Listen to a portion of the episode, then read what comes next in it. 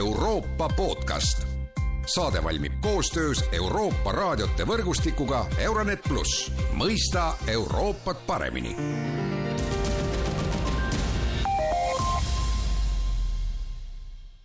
tere jälle kuulama Euroopa podcasti. teisipäeval alustas Aserbaidžaan sõjalist rünnakut Mägi-Karabahhis, deklareerides täna kolmapäeval võitu Armeenia vägede üle miks Aserbaidžaan nii tegi ja missuguses positsioonis on, on, on Armeenia, sellest kõneleb Skype'i vahendusel Eesti suursaadik Armeenias ja Gruusias Riina Kaljurand, tere päevast! tere päevast! ja mina olen Erkki Pahovski. no alustame selle ajastusega, et äh, loomulikult igasugune sõjaline operatsioon nõuab ju ettevalmistust, ei, see ei saanud ju tulla niimoodi, et ühel päeval tõusid Aserbaidžaani juhid üles ja arvasid, et täna võiksime rünnata, et et, et Aserbaidžaan pidi selle rünnaku ju ikkagi ajastama mingisugusele ajahetkele, praegu teatavasti käib ÜRO Peaassamblee, Venemaa sõdib Ukrainas ja satub üha enam rahvusvahelisse isolatsiooni. kas aserid arvasid, et eilne päev ehk üheksateistkümnes september on, on selline soodne moment või võib seal veel midagi olla?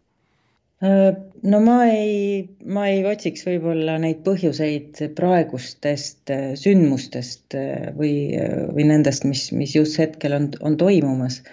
sest meile kõigile, kes me seda regiooni igapäevaselt jälgime, ei olnud see rünnak kahjuks uudiseks. et see selline oht on olnud õhus juba ligi aasta ja tegelikult need juured ulatuvad ju äh, Mägi-Karabahhi teise sõja lõpuaegadesse, kui Aserbaidžaan äh, tuli välja siis oma nõudmistega ja, ja allkirjastati üheksandal novembril see relvarahuleping, millega siis teatud tingimused paika pandi ja kuna ei ole õnnestunud nüüd paari aasta jooksul kõiki neid punkte, mis seal ilusti kirjas olid, täita, siis Aserbaidžaan on ju tegelikult korduvalt näidanud, et kui heaga ei saa, siis jõuga ikka saab. ja kui me meenutame, siis täpselt aasta tagasi, kahekümne teisel septembril algas nii-öelda esimene siis pärast sõjajärgne suurem eskalatsioon, mis kestis kaks päeva ja mille käigus sai surma kakssada sõdurit mõlemalt poolt kokku. ja, ja nii-öelda sellest eelmise aasta eskalatsioonist alates on Aserbaidžaani retoorika väga selgelt andnud märku sellest, et, et see nii-öelda Mägi-Karabahhi teema ja küsimus tuleb lahendada ja kui Armeenia ei ole nõus lahendama seda Aserbaidžaani tingimustel, siis on Aserbaidžaan valmis kasutama jõudu. ja eelmise aasta lõpus, eh, kui algas blokaad, kui suleti eh, liikluseks Latšini koridor, algselt siis küll osaliselt, alates selle aasta viieteistkümnendast juunist siis täielikult, siis on olukord tegelikult eskaleerinud eh, üha enam ja, ja see, et, et ühel hetkel äh, selline sõjaline mm, nii-öelda eskalatsioon võib toimuda, oli üsna selge. ja nüüd on see toimunud ja nüüd tuleb tegeleda siis nii-öelda analüüsiga, et kas oleks saanud seda kuidagi vältida või mida nüüd siis äh, edasi peale hakata. ja ma tahtsin lihtsalt täpsustada, et, et see praegune sõjaline nii-öelda agressioon, mille alustajaks hetkel oli siiski Aserbaidžaani pool, et see võitlus ei toimunud otseselt Aserbaidžaani ja Armeenia vägede vahel. Äh, Armeenia väidab, et tema vägesid Mägi-Karabahhis ei ole ja ka Aserbaidžaan on, on öelnud oma avaldustes, et äh, võitlus toimus nii-öelda separatistlike jõududega, ehk siis need on Mägi-Karabahhi oma äh, üksused, keda Aserbaidžaan nimetab separatistlikeks üksusteks. no Armeenia on ju ikkagi seotud, ma ei, mul ei ole muidugi informatsiooni selle kohta, kas äh, olid seal otseselt Armeenia väed või mitte, aga aga ma meenutan äh, seda, et äh, seda sõda või seda piirkonda on siis lubanud konflikti eest kaitsta Venemaa. ja Armeenia peaminister Nikol Pašinjan ütles ju hiljuti, suhteliselt hiljuti Itaalia ajalehele La Repubblica, et Armeenia enam Venemaa peale ei looda ja noh, võib-olla Aserbaidžaan luges sealt välja ikkagi seda, et, et Venemaa ei suuda ohjata enam Mägi-Karabahhi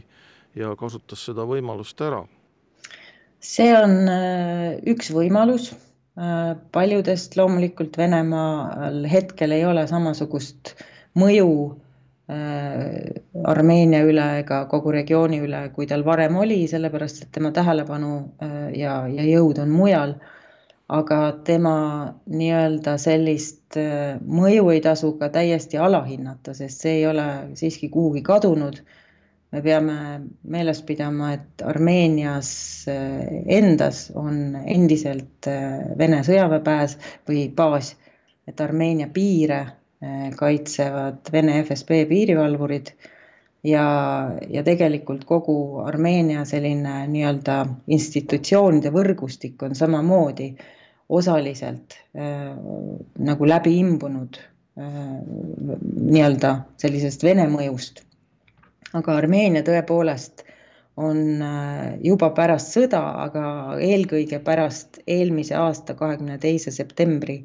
eskalatsiooni võtnud väga kriitilise hoiaku Venemaa kui julgeoleku garandi suhtes. Nad on väga avameelselt, eriti viimastel päevadel väljendanud äh, oma, oma kriitikat, oma rahulolematust, nad on öelnud otse välja, et et kui Venemaa varem oli meie nii-öelda julgeoleku garant, siis praegu võib ta olla julgeoleku oht. et meil ei ole nii-öelda Vene rahuvalvest ei Mägi-Karabahhis eh, ega kusagil mujal midagi kasu, et nende tegevusetus ongi viinud selle olukorrani, kus nad praegu on ja loomulikult äh, Aserbaidžaan ühest küljest kasutab ära seda, et Venemaa mõju on, on väiksem ja nende, nende jõud ei ole võib-olla nii täiemahulised seal regioonis, kui nad varem olid. Aga samas äh, ei tasu välistada ka, ka mingisugust koostööd näiteks äh, Venemaa ja Aserbaidžaani vahel, sest mingisugused liikumised ja otsused, mis on tehtud, ei saa toimuda ilma Äh, Aserbaidžaani ja Venemaa vahelise konsultatsioonita, näiteks seesama Latšini koridori sulgemine. sest, äh, sest sellesama nii-öelda relvarahulepingu järgi peaks Vene rahuvalve tagama selle koridori ähm, nii-öelda lahtioleku ja ka julgeoleku. praegu ähm, või siis alates viieteistkümnendast juunist, eks ju, see, see koridor oli täiesti suletud ja, ja ka Vene rahuvalveväed selle, selle Latšini koridori ümber on, on oluliselt vähenenud. nii et, et põhimõtteliselt, mis, mis ka muidugi oli armeenlaste kõige suurem selline pettumus, oli see, et kui toimus eelmisel aastal äh, see rünnak ja, ja osaliselt äh, ju pommitati ka neid nii-öelda Armeenia külasid, külasid, mis olid Mägi-Karabahhist väljapool ja nii-öelda Armeenia oma territooriumil siis, äh, siis Vene rahuvalve paar tundi enne pommitamist lahkus oma asukohtadelt. et nad pidid teadma see, siis seda järelikult? Nad pidid teadma seda ja praegu tuleb samamoodi välja, et äh, ju ka Maria Zaharova on öelnud, et et äh, Aserbaidžaan tead, teavitas neid sellest nii-öelda erioperatsioonist siis terroristide vastu. No on ka öeldud ja, ja lugedes äh, seda kõike rahvusvahelisest meediast, et äh, Nikol Pašinjan lihtsalt ka ei meeldi Vladimir Putinile, arvestades seda, kuidas Pašinjan tuli võimule, ta tuli võimule ju revolutsiooni käigus, rahvas nii-öelda tõstis ta sinna peaministri ametisse ja ja Moskvale üldiselt sellised skeemid ei meeldi, noh seda esiteks ja teiseks muidugi see küsimus, et kuidas siis äh, Moskva võiks nagu reageerida sellele äh, Armeenia põikpäisusele, kui nii võib öelda, sest äh, noh, on ka räägitud siin sellest, Rainer Saks täna kirjutas oma blogis, et et Venemaa sooviks korraldada Armeenias riigipööret, aga see ei muuda ju põhimõtteliselt seda olukorda, seda konflikti ei kao ju ära sellega, isegi kui Armeenia peaministriks tuleks mingisugune Moskva-meelne tegelane, sellepärast et isegi kui ta oleks Moskva-meelne, ei saa ta ju Mägi-Karabahhi küsimuses järele anda ähm,? jah, see, et muidugi see nii-öelda riigipööre, ma, ma selle, ise selle võimalikkusesse väga palju ei usu, sellepärast et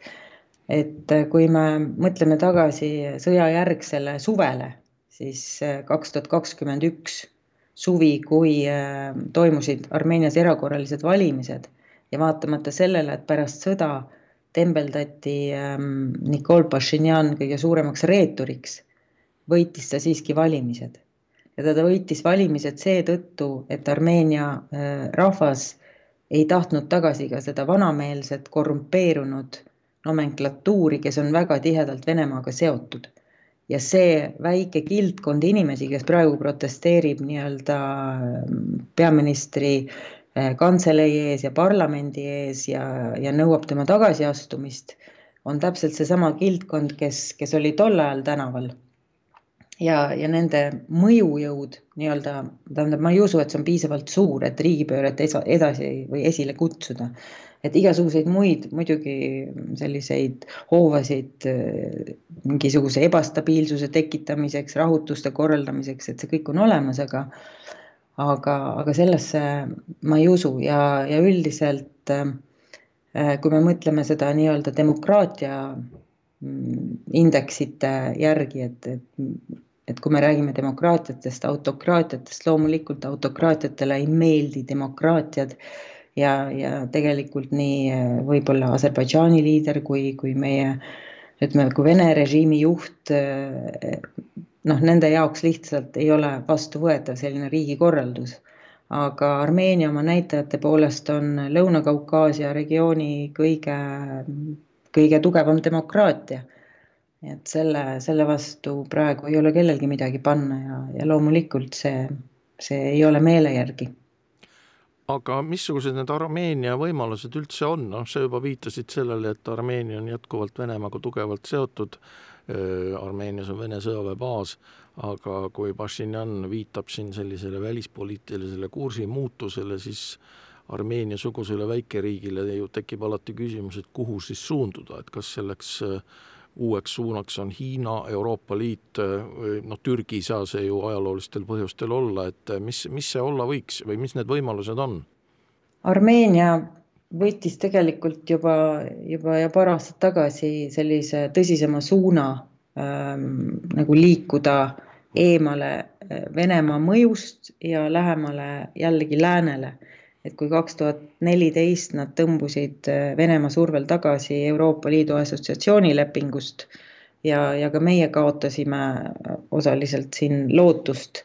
siis praegu on nad äh, Euroopa teel tagasi ja, ja lääne suunal tagasi, et, et need kõik need äh, sammud ja pingutused, mida nad teevad, on,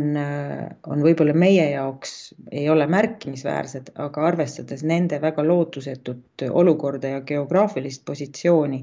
on see tõsine selline julgustükk, mida nad teevad. et alates,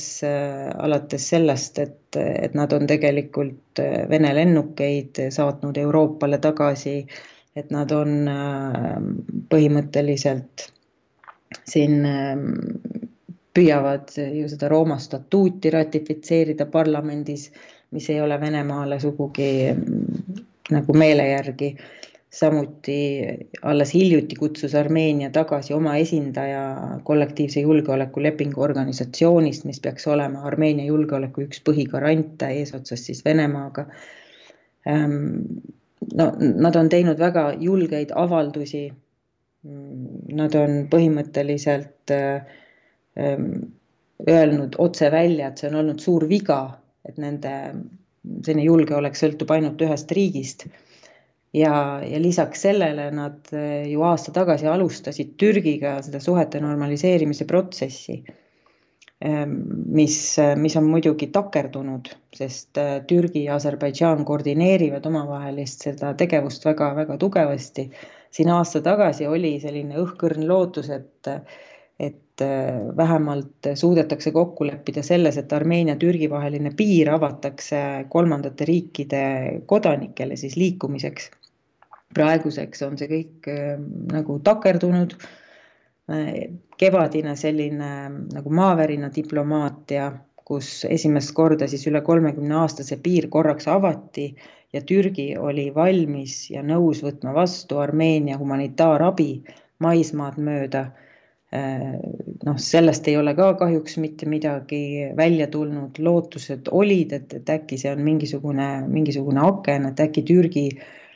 püüab teha mingisugust iseseisvat poliitikat Armeenia suunal, et, et mitte kõigis küsimustes minna täpselt nagu Aserbaidžaani jutupunktide ja, ja huvide järgi, aga paraku see nii ei ole, nii et nad otsivad ja, ja püüavad, püüavad leida oma aknaid, praeguseks siiski nende põhiline selline lootus on, on Euroopa Liit ja Ameerika Ühendriigid, aga püütakse ka näiteks Indiaga tehakse kõvasti koostööd, püütakse relvi osta just Indiast, Iraaniga tehakse koostööd meile võib see meeldida või mitte, aga nende jaoks on see paraku hetkel äh, ainuke võimalus, sest äh, Venemaa on äh, valmis nii-öelda lõpetama gaasitarned Armeeniale ja, ja Armeenia on täiesti sõltuv Venemaa gaasist, nii et, et ainuke alternatiiv oleks Iraan. ja, ja noh, põhimõtteliselt natuke võib-olla ka Hiina suunal, aga seal neil, neil nii suurt edu erinevatel põhjustel ei ole olnud, aga jaa, nad vaatavad nii Euroopa kui Aasia suunas. ja noh, lõpetuseks küsimus ja, sa juba mainisid seda riiki, Türgi, et noh, selle kogu selle Armeenia, Aserbaidžaani konfliktiga on ju tegelikult Kaukaasias Türgi mõju suurenenud ja vist suureneb veelgi. Ehm, no ma arvan, et seda Türgi mõju ei, ei tasu ka üle hinnata, et see oleneb väga palju Äh, sellest, ähm, mis, mis toimub Ukrainas, see toi-, sõltub väga palju sellest, äh, kuidas kujunevad edasi Türgi-USA vahelised suhted. et see on selline väga kompleksne küsimus, ütleme Türgi mõju tõepoolest on suurenenud ja, ja see Türgi-Aserbaidžaani selline koostöö, eriti ütleme, mis Lõuna-Kaukaasiat puudutab, see justkui näitab, et, et hoovad on, on Türgi, Aseri ja, ja siia kolmnurka võetakse sisse ka sageli Gruusia ja neil on ka palju selliseid kolmepoolseid formaate. aga ma arvan, et ühelt poolt noh, on see nii, teiselt poolt jällegi Türgi on, ta, ta võitleb oma, oma sisemiste teemonitega ja, ja oma majandusega ja ja ma arvan, et ta on, on ka väga suurte selliste dilemmade ees ise, et et hetkel ma ei näe, et toimub selline tohutu äh, nagu Türgi äh, domineerimine või, või, või mingisugune, mingi Türgi dessant Lõuna-Kaukaasiasse. aitäh, Riina Kaljurand, nende kommentaaride eest, see oli tänane Euroopa podcast, kõike head ja kuulmiseni